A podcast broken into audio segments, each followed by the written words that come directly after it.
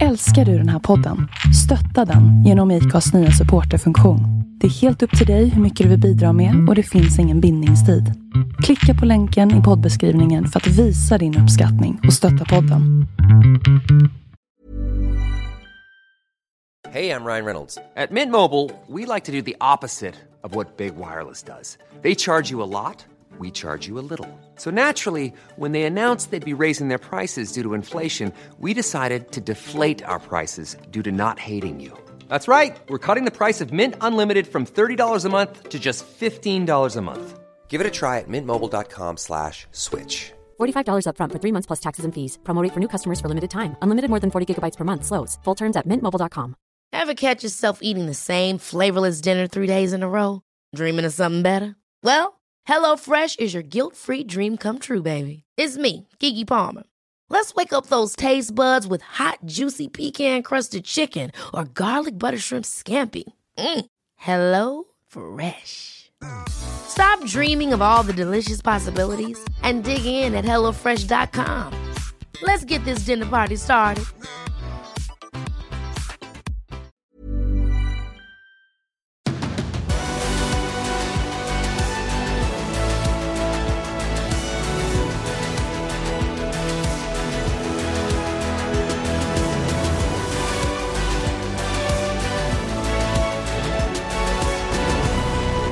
Vecka, nya möjligheter. Välkommen till ännu en MotoGP-podd. Den här eh, gången är det nummer 140.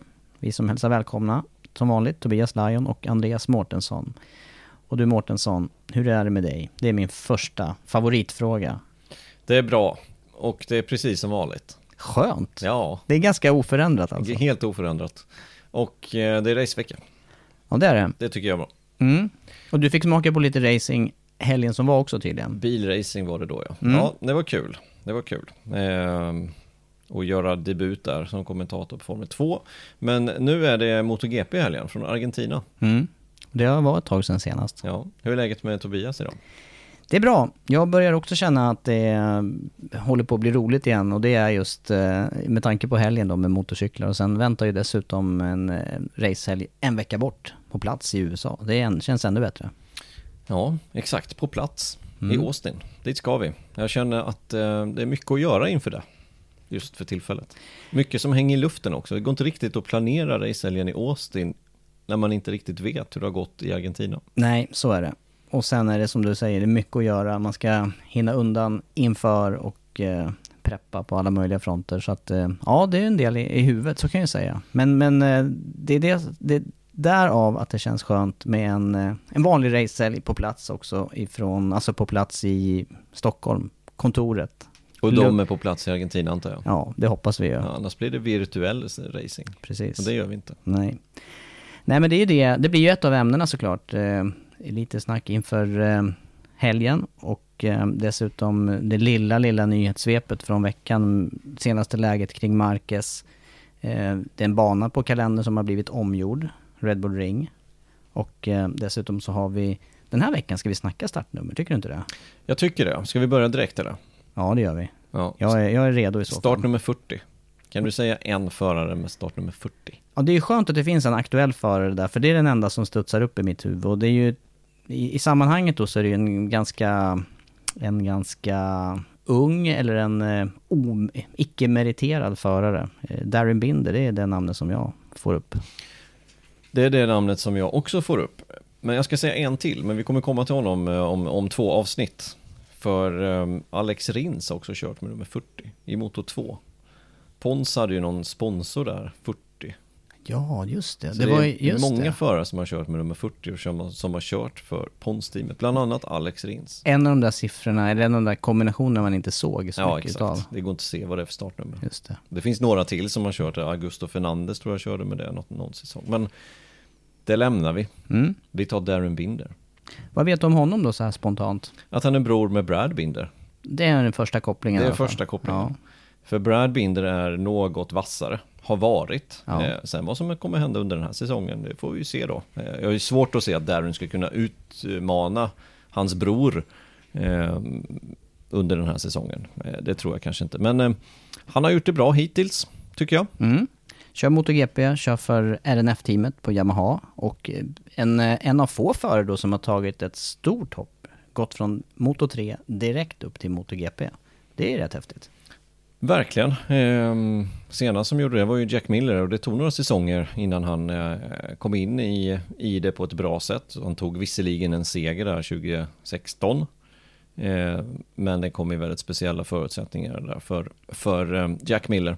Men eh, Binder har tagit det där klivet och han har ju sett som ganska ovårdad, ov, ja, ovårdad körning. Kanske inte främst förra året när han körde för Petronas utan kanske tidigare i karriären ännu mer. Mm. Jag skulle också säga det. Vi har ju till och med varit kritiska bitvis mot hans attacker och hårda körning då, men jag vet inte, det kanske finns förklaringar till det. Jag tänker på lite det maskinmaterial han har suttit på, eh, att han kanske har fått eh, han har ju storleken emot sig i, Moto 3 i alla fall. Han har fått eh, överköra Ja. med det han har haft, så kan man väl säga. Men han har också varit väldigt ovårdad i sin körning, det går inte att ta ifrån honom det faktiskt. För det har han faktiskt, det, det är några gånger som som det har varit lite onödigt och, och till slut så, jag kommer ihåg där i Jerez där för något år sedan, då fick han smaka på sin egen medicin där av Masia som petade omkull honom.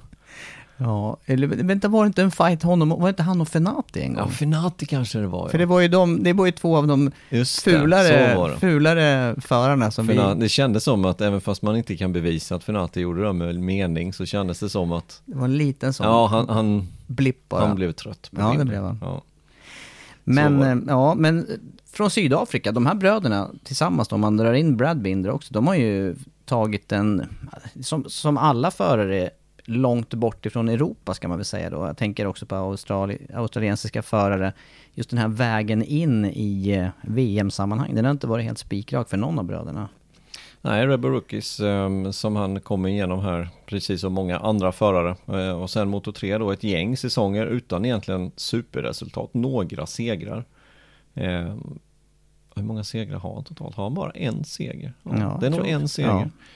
Kom den i Japan kanske? I ett regnrace eller? Jag minns inte exakt när hans Nej, seger kom. han var, jag tror han Men- var på pallen där i något Japan-race, men, men segern kom eh, i Barcelona. Men jag vet att du har sagt det här att eh, förare som har fått jobba sig upp eller kanske suttit på undermåligt material istället då har fått eh, utvecklas på andra sätt. Och lite den känslan har jag kring, kring Darren Binder, i alla fall när man ser nu till de här två första inledande racehelgerna. Tycker han har gjort det ganska bra faktiskt i MotoGP. Eh, och det kan mycket väl vara så att det passar honom betydligt bättre att sitta på en större motorcykel än en, en mindre som en Moto 3. Eh, och vi pratade ju faktiskt lite om Darren Binder förra veckan. Han gjorde så bra resultat. Han blev ju faktiskt tia i premiären, eller i andra racet i eh, Indonesien, i regnracet där. Eh, och leder ju nu rookie-mästerskapet Mm. dessutom. Ja, att, och, och det är inga det är inga vilka som helst som är rookies utan det är ju faktiskt Gardner och Fernandes bland annat. Mm. Ja men just apropå det racet, eh, noterade du också det som, eh, som stod kring Gardners hjälm där, att det hade varit problem med, med vatten in i hjälmen här? Såg det. Har vi hört det förut på olika förare? Och har vi hört det med de som inte använder, för han använder, Darren Binder använder väl det här fabrikatet som du och jag ganska familjära med. Ja, ja, ja. ja. Han har inga problem med Nej, det. inte någonting. Nej. Jag har aldrig haft det heller. Jag har, Nej, åkt, jag har åkt 24 timmar i regn. Jag tycker det är mycket märkligt faktiskt. Ja, det, där ser man ju lite grann att man måste välja lite med omsorg. Några, Ja. nyc- några nyckelgrejer. Ja. Hjälmen Just är- hjälmar och imma och sådana här saker, det är jag tycker man hör det ofta, men man hör aldrig det där från det här fabrikatet som vi pratar om här. Nej. Och vilket fabrikat det är, det får ni, det får ni googla. ja. Kolla på Darin Binder då. Ja, eller Vinales. Ja, det går också. Ja. Nej, men, eh, men kortfattat då kring, kring Darren Binder, för han har ju inte så lång biografi fram, men han har åkt också för Akiayo eh, en säsong och han har också åkt eh, vägen in här till RNF-teamet. Den på något vis började ju krattas redan förra säsongen då han åkte för Petronas Sprinta Racing. Och uppenbarligen har de ju sett någonting i teamet eh, som gör att han fick avancera upp helt enkelt. Och sen så blev det MotoGP i, i det teamet helt enkelt. Han körde ju för Petronas under förra säsongen, vilket då är samma team egentligen då, förutom att det är lite ny struktur till den här säsongen i MotoGP-klassen. Och just i teamen, där har du ju all data, det finns ju, Där hård, finns ju hårda fakta. där finns ju datan, där vet man ju helt enkelt vad, vad, de, vad en förare kan prestera om det finns potential och så vidare. Så Mm. att de, uppenbarligen så såg de ju det. Eh, vi sa ju det förra veckan där det, vi har varit ganska passiva när det gäller kritik mot Binder och den vägen som han har tagit. Många andra, framförallt brittiska journalister har ju varit väldigt kritiska och tycker att det finns massa andra förare som skulle kunna tagit den styrningen och det kanske det gör. Och de kanske är britter också, så det kanske också beror lite på deras kritik, vad vet jag. Det finns ju en hel hög då i BSB kanske, som, de syftar ja, på. det kan det ju vara. Det kan det ju vara. Eh, Leon men Haslam, även- Leon Haslam, påläggskalven. Men eh, jag håller inte riktigt med om det, utan eh, en förare som uppenbarligen kan vinna race och vara med i täten i Moto 3, där man tydligt ser att man har någonting negativt, det vill säga kanske storleken eller någonting annat. Det är inga dåliga förare. De kan köra MotoGP. Och framförallt på en Yamaha skulle jag vilja säga. Det hade varit en annan sak att sätta honom på en, ja men en Repsol Honda. Helt annat. Men det hade man inte, det hade det är ingen som hade gjort det. Utan eh, jag tror att det passar alldeles perfekt på en satellit Yamaha. Ja men något som du har lyft tidigare, det är ju den här kopplingen, eh, ett antal Mahindra-förare som gör bra ifrån sig. De har ju fått, de har ju fått eh, arbeta till exempel med kurvhastighet eller sådana saker istället och då, då, då blir det en koppling där till, till Yamaha också. Det blir det. Ehm, precis. Mahindra har ju som sagt Darin Binder kört. Mm. Det här kanske inte spelar någon roll i sammanhanget men eh, Brad Binder har vi ofta hört prata gott om sin bror och, och prata nästan att han är minst lika bra, kanske bättre, än honom själv. Ja, vad, det, vad, säger- vad säger du om, Ja. om eh, den objektiviteten där i omdömet? jag har hört Mark Marquez säga exakt samma sak om sin bror. Och eh, än så länge har vi inte sett riktigt det ifrån Alex Marquez. Utan där är ju fortfarande Mark Marquez vassare än sin bror. Även fast hans bror är både dubbel världsmästare Moto 3 och Moto 2. Men, och några pallplatser också i MotoGP men ganska långt ifrån Marks nivå. Mm. Ja, vi får se om det, om det fortsätter eh, uppåt, eh, karriären för, för Darren Binder. Sen tror jag kanske, alltså sk- ska man bli Ska man ta den här naturliga stegen som är med Moto 3, Moto 2, Moto GP och in i fabriksteam till exempel. Alltså den, den vägen bör man nog gå och det är där de flesta världsmästare kommer ifrån. Kommer Darren Binder bli världsmästare någon gång i Moto GP? Ja, det är väl, det är väl tveksamt. Men kanske göra väl ifrån sig några säsonger. Absolut. Topp 10 kanske? Absolut. Ja. Kan vi säga att det är uttömt? Startnummer 40. Darren Spännande att följa honom. Det ska bli spännande. Väldigt spännande. Alltså det är, det är som sagt Gardner, det är Dijan Antonio, det är Bisecki och det är Raúl Fernandez. Det är, det är inga dussinförare det här. Som han slåss emot och blir årets rookie. Ja, jag, jag skulle inte förvåna mig faktiskt om han kunde ta det där. Då blir det många som tystnar. Jag tror det. Mm. Jag tror det. Vi får se. Ja, Sen vet vi inte vad som händer till nästa år för hans del. Han har bara ett, ett års kontrakt och eh, hos Yamaha så står allting nu, känns det som. Alla väntar på vad gör Fabio Quattararo. Skriver han på nytt, går han iväg. Där kommer nog bli nyckeln om Darren Binder blir kvar i MotoGP nästa år eller inte. mm. ja visst. Och det kan ju öppna upp också för... Ja, det blir spännande Exakt. kontraktsperiod som, som kommer. Raskatlioglu. Mm. Vi får se vad som händer där. Japp. Darren Binder alltså, startnummer 40. Då vänder vi blad, som eh, det bekant heter, till eh, nästa programpunkt. Och då är det ett eh, nyhets, kortare nyhetssvep den här veckan, men icke eh, att... Eh, eh, inte desto mindre viktigt, därför att eh, en stor del handlar ju kring eh, läget med Mark Marquez efter en tung helg i Indonesien och tunga krascher. Och dubbelseende återigen. Mm. Det kan man säga. Ehm, Det pratade vi om mycket om förra veckan. Det senaste är ju att han inte kommer till start i helgen i Argentina. Ehm, Det tog också, den här pressreleasen kom i, jag väntade hela måndagen på den här pressreleasen, kom inte. Sen kom den i tisdags förmiddags från Honda.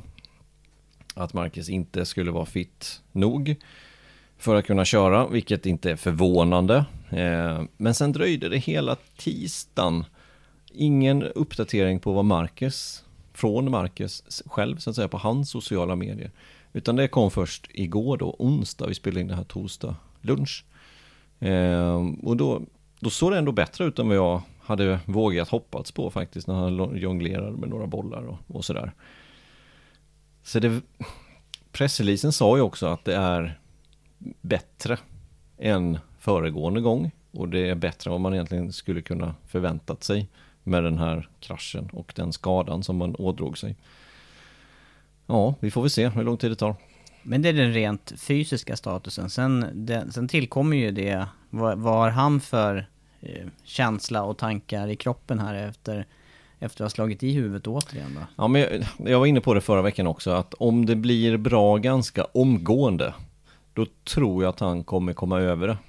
Men hade han fortfarande legat i sängen och haft eh, dubbelseende och sett, eh, sett två lampor i taket när han tittade upp där, då, då är det jobbigt. Och, och, och ju, ju, fler dagar det håller på, desto mer börjar man tänka. Men börjar det ändå på så sätt bli så pass bra redan, ja, då, då är jag lite hoppfull åtminstone. Sen får vi se liksom. Det, ingen vet ju. Kommer tillbaka till USA, ingen vet.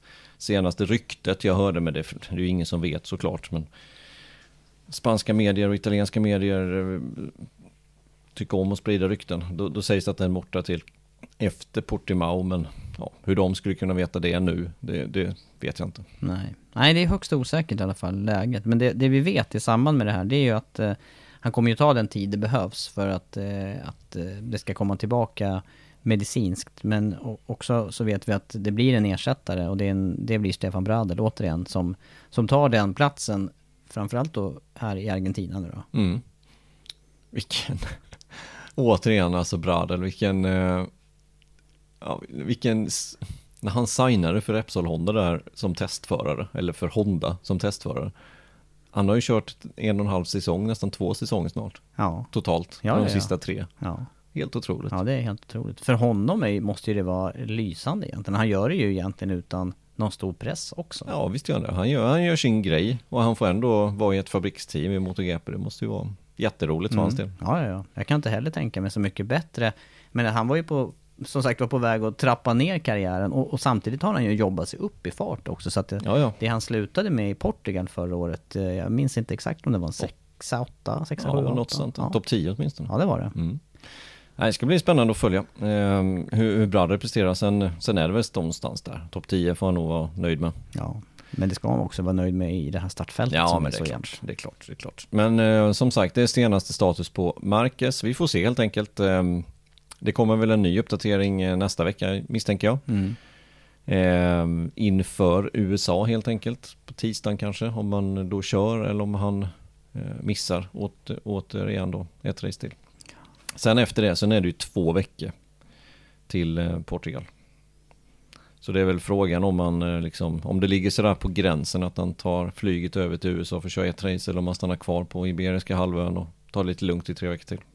Ja, det är frågan. Den andra, jag menar, i vågskålen ligger ju möjligheten att ta en titel. Jag tror Ja, att det, det är det som är den, måste ju vara den stora motivationen för honom att eh, ha chans på titeln. Jag menar, börjar det gå tre, fyra, fem race borta, då är det ju tufft att ta sig in igen i mästerskapet. Visst, visst.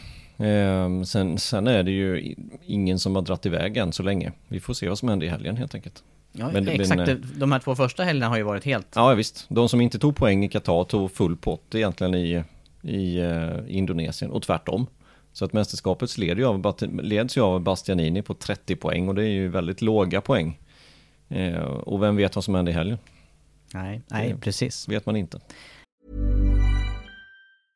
This is Paige, the co-host of Giggly Squad, and I want to tell you about a company that I've been loving, Olive and June. Olive and June gives you everything that you need for a salon quality manicure in one box. And if you break it down, it really comes out to $2 a manicure, which is absolutely insane. It's also so easy to get salon worthy nails at home with Olive and June. The difference between how your nails used to look when you did them yourself and now with the Manny system is a complete game changer. The best thing about Olive and June too is it's a quick dry, dries in about one minute, lasts for five days, and full coverage in up to one to two coats. Visit oliveandjune.com slash perfectmanny20 for 20% off your first system. That's oliveandjune.com slash perfectmanny20 for 20% off your first system. I'm Sandra, and I'm just the professional your small business was looking for. But you didn't hire me because you didn't use LinkedIn jobs. LinkedIn has professionals you can't find anywhere else, including those who aren't actively looking for a new job but might be open to the perfect role, like me. In a given month, over 70% of LinkedIn users don't visit other leading job sites. So if you're not looking on LinkedIn, you'll miss out on great candidates like Sandra. Start hiring professionals like a professional. Post your free job on linkedin.com/achieve slash achieve today. Hold up. What was that? Boring. No flavor. That was as bad as those leftovers you ate all week. Kiki Palmer here, and it's time to say hello to something fresh and guilt-free. Hello Fresh. Jazz up dinner with pecan-crusted chicken or garlic butter shrimp scampi. Now that's music to my mouth. Hello Fresh. Let's get this dinner party started. Discover all the delicious possibilities at hellofresh.com. Där är vi alldeles strax som programpunkt också. Men först en, en eh, Eh, snabb eh, kik också på Red Bull Ring. För det ligger lite längre fram här på kalendern och där har det hänt eh, förändringar. Där man jobbar med säkerheten här senaste perioden. Mm, just i kurva två då, där vi såg den här ehm, ja, fruktansvärda kraschen, kan vi nästan säga att det var. Jag såg den senast i något sammandrag här bara för någon dag sedan. Det är helt otroligt alltså att de klarar sig igenom det där. Kurva två alltså när Morbidelli och Sarko eh, går ihop och eh, Morbidelli sa ju då gå emellan Vinales och Rossi. Ja, det är otäcka bilder. Ja, det, är, det är... Det är helt otroligt Ja. att de klarar sig. Eh, men nu har, de, eh, nu har de lagt in en chikan i i alla fall. För det kan vi nästan kalla, ing- jag tycker inte att det ser ut som en kurvkombination utan jag skulle nästan kalla det där en chikan som de har lagt in. Eh, mellan kurva 1 och 2. Ja, nästan, en, nästan upp mot kurva två är det väl? Ja, Eller? ja. Kommer ut i kurva två. Någonstans där. Ja. Men, men tanken med den här banan, det är ju Herman Tilke som har eh, ritat den här tillägget på banan då och försöka ändra så lite som möjligt på den övriga layouten och det är ju egentligen bara där. För tanken är ju att använda den här ursprungslayouten eller den, den nuvarande från förra året. Den ska man ju använda i Formel 1 till exempel. Precis, utan detta är ju bara motorcykelracing som man har lagt in den här. Ehm, ja, det snackades ju om senast att man skulle förlänga banan nu, att den skulle fortsätta start och mål lite längre fram och gå runt kullen som den gjorde förr. Det var ju det det snackades om förr, men det är väl, det är väl en bit bort i tid helt enkelt och det här är väl någon tillfällig lösning, hoppas jag, för det ser inte, man blir ju inte överexalterad när man ser det. Som förare är ju inte det där Nej. någonting man eh, längtar efter. Verkligen inte, verkligen inte. Och, eh, Och- på och- layouten så ser den ju ut som att det också är en kort sträcka för att göra någonting emellan. Det möjligtvis att man kan göra någon bromsattack, jag vet inte, in i första delen. Ja, men även ut i kurva 1 där. Eh, Du hinner knappt upp i sån fart in i den här chikangrejen så att knappt man går och kör om in i den. Nej, jag tror inte heller det. Utan, eh, Och det kommer ju vara ett spår in där. ja, och det kommer vara samma sak upp för backen sen in i kurva, ja, nuvarande 3, vilket, jag vet inte vad det blir nu för tiden då, men det kanske blir 3 igen då. 1, 2, 3, det borde bli 4, borde det bli då. Ehm, nej, jag- ja, mm. Nej, Nej. Det, det inte- jag tyckte första förslaget såg lite bättre ut för då, då tyckte jag vi såg att det var lite mer att man bara egentligen flippar hojen emellan. Nu, nu är det ju 90 graders svängar i princip. Ja, nej. Det Nej, ser jag inte jätteroligt ut. Säkerhetsmässigt så är det säkert jättebra. Det, det första, det som var där, om man nu bortser från säkerhetsaspekten, så är det en fantastisk eh, acceleration upp där mot, genom kurva två och sen en supersvår bromsning egentligen, när man byter håll under, Ja, ja. byter riktning under, Visst. under broms. Ja. Nej men den- hade ju ett speciellt flyt. Jag fick ju förmånen att köra den i höstas när vi var där. Eh, och det är ju tre jättelånga rakar och, och det blir ju på något sätt ett visst flyt i den körningen. Nu kommer man lång raka, start och mål och sen kort acceleration och sen en grej där liksom och i den farten åker, ja, nej. Ja, det, det är som det är helt enkelt. Säkerhetsmässigt så är det bättre förhoppningsvis. Eh, hoppas inte någon gör en highside och flyger till månen bara ut i den. Nej, Ute i en risk. vänstern. Nej, det är en risk. Ehm, Hamnar upp i kurva 6 Ja, precis, på andra sidan. Ja. Eh, ja, det får bli som det blir helt enkelt. Då. Mm. Förändring i alla fall. Det blir som Barcelona blev något år där. Det blev inte heller bra. Nej. Efter bakrakan, när, när det var för tvär avslutning. Ja, jag tänker på när Miller körde fel Jaha, där den ute, ja. ja, Formel slutet. 1-chikanen Ja, i slutet den då. var, Den var inte bra. Det, detta blir något liknande egentligen. Kanske någon som bara drar på rakt igenom det här partiet i början. fan. Nej, det blir inte bra. Nej, det blir inte bra. Ska vi inte skratta åt sådana saker. Men det är inte helt lätt som förare. Har man kört en sträcka många gånger så är det ju inte helt lätt när det bara förändras. Nej, det lär nog inte gå att köra rakt Nej, jag tror inte heller. Nej. Men eh, det är som det. Det är som det. Det blir säkert bättre. Man slipper åtminstone mm, kurva 2, på det, eller gamla kurva 2. Mm, så blir det.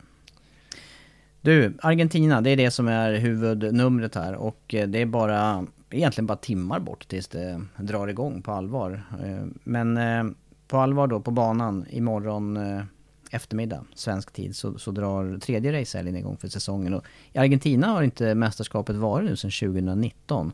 Vad går det att säga där kring, eh, kring banan? Dåligt fäste brukar det vara. Framförallt. Eh, väder brukar också vara lite svajigt.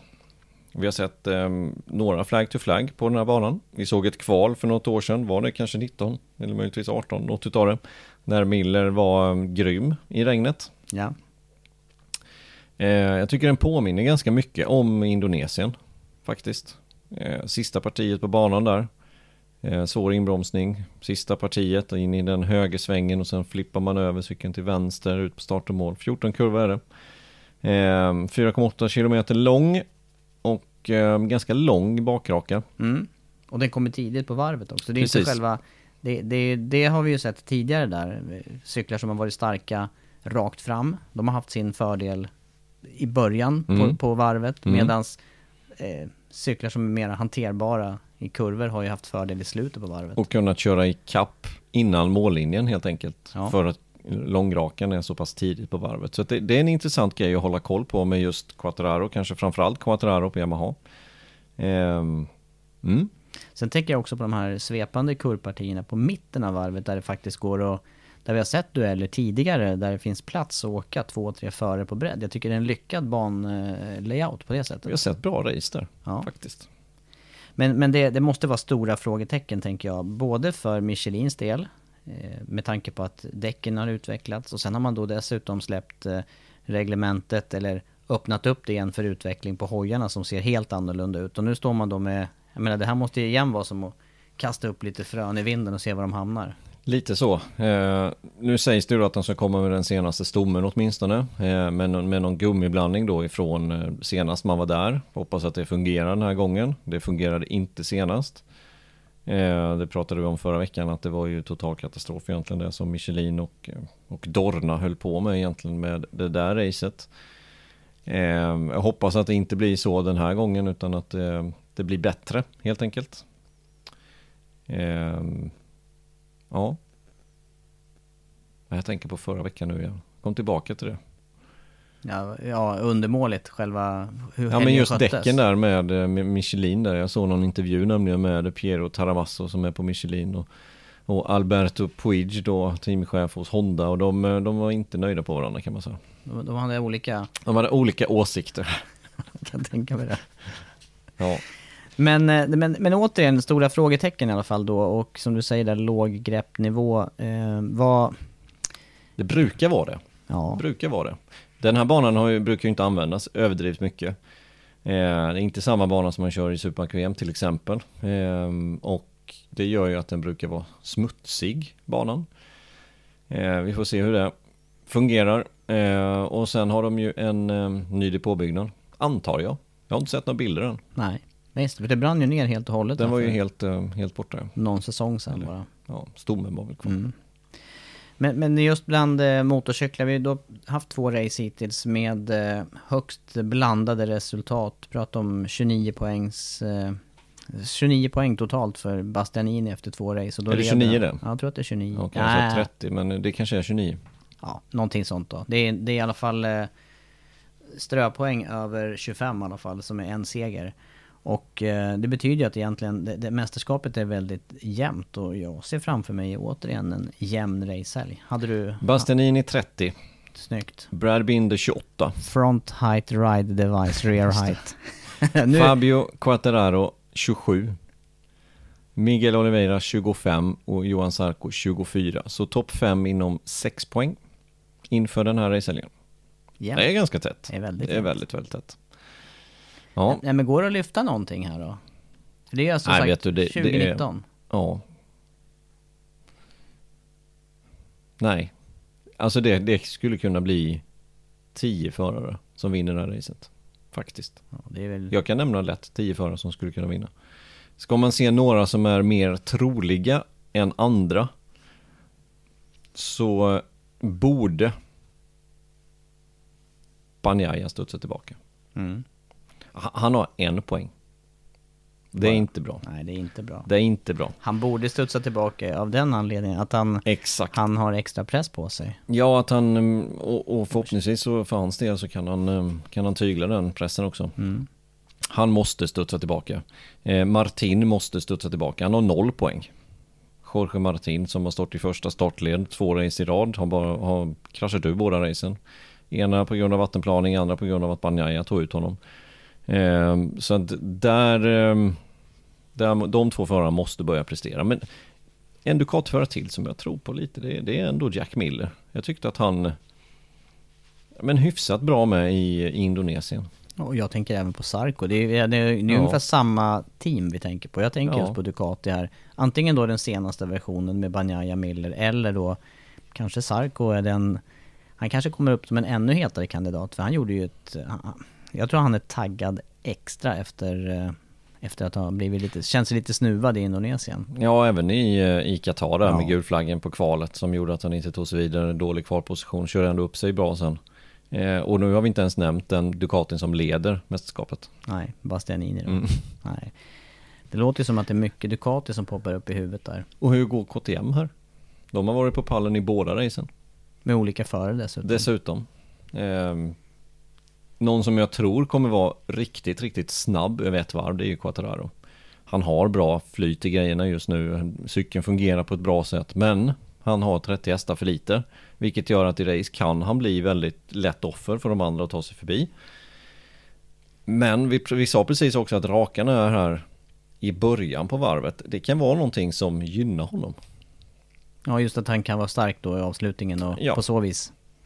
Absolut. Jag tänker även på Alicia Sparger när vi pratar banlayout på slutet här. Aprilian som har varit stark. Just den här typen utav Mm. broms, sväng, nedlägg, hanterbarhet. Slutet av varvet.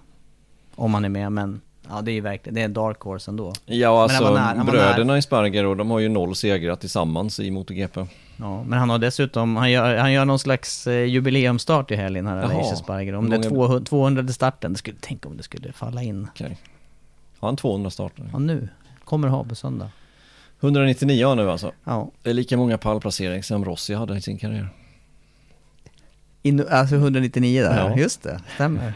Stämmer. Så många starter har han. Okej. Ja. Ja, ja. Nej men det finns mycket att se fram emot och, det, och snart drar det igång alltså. Mm, Laddad. mm. Det ska bli kul. Eh, som sagt, ja, vad är Suzuki i detta? Vet vi inte. Nej det vet Nej, jag det faktiskt är, inte. det är helt otroligt. Är det. Innan så hade man kanske fyra, fem förare. Någon av de här fem kommer vinna. Men nu är det verkligen tio Mm. skulle kunna vinna på söndag. Och speciellt nu in, inför helgen när vi inte riktigt vet styrkeförhållanden förarna emellan. Det kommer Mm. väl liksom utkristallisera sig på lördag efter kvalet. Men just nu så känns det väldigt öppet. Vi, gör, vi gör oss inte på någon gissning då. Det, kän, det blir bara... Det, det har stor, större chans att bli fel än att hamna rätt på det. Ja, det tror jag. Det tror jag. Men, men eh, jag ska ändå på med en gissning här nu då. Taget från det blå. Jag tror att, eh, jag tror att Mille vinner. Jag tror att det blir flag to flag på söndag. Mhm. Jag har inte kollat då- väderprognosen, Nej, nej men- inte jag heller gjort. Men eh, nej men det, det mm. Jack Miller och sen kommer Brad Binder två och Sarko tre. Ja, jag, jag sätter Sarko högst upp i så fall. Kontra med det. Mm. Och eh, så sätter jag... Eh, oj, det här blev det svårt. Quattararo tvåa. Två fransmän. Sant, Etta, tvåa. sant. Jag glömde Quattararo. Vad har vi då då? På tredje? Då får det bli en... Eh, det får bli ett tredje fabrikat där också. Nej, det här blev svårt. Alicia Sparger då. Det är mer önsketänkande där för hans del. Jag skulle behöva någon, behöver någon putt i rätt riktning. Ja, Nej men två fransmän är topp säger jag i alla fall. ja, ja. Vi Ja. får se. Ja, vi får se. Du, Ja, vi eh, ses ju om knappt ett dygn igen. Då snackar vi, då kommer du kunna, du som lyssnar kommer ju kunna följa oss ihop med bild då. Kanske inte på oss, det är inte det som är intressant i det här läget. Det blir motorcyklar. När drar vi igång Andreas, vet du det? mm, nej det vet jag inte. Men jag tror att det är 15 och 40. 45, 40? Ja, något sånt. 15.40 då. Tror du? Då har du marginal om det, om det skulle vara Ja, men senare. Men, exakt. du har ju haft rätt på mycket nu på slutet här. Mellan halv fyra och fyra. Ja. Mm. Se, på, se på sändningen där du tittar på den via player som gäller. I övrigt vet jag inte vilka kanaler det är den här. Via Sportmotor. Är det som gäller. Eller via Play. Mm. Vi Vill det. du veta en till god nyhet? Ja, berätta. För er som inte eh, följer våra sändningar på TV. Har chansen nästa helg. Fast då är det alltså i Austin. Ska vi säga. USA, Austin. För då går nämligen MotoGP-racet i TV10. Bara en sån sak. Bara en sån Fri-TV. sak. Det är bra. Det var glädjande. Ja. Ska vi ringa till eh, släkt och vänner som inte har som inte betalar för sig. Precis. Annat än via skattsedeln då, får man hoppas. Ja, ja, men då är det TV10 som gäller. Men det är nästa, det tar vi i nästa veckas podd. Tack så länge.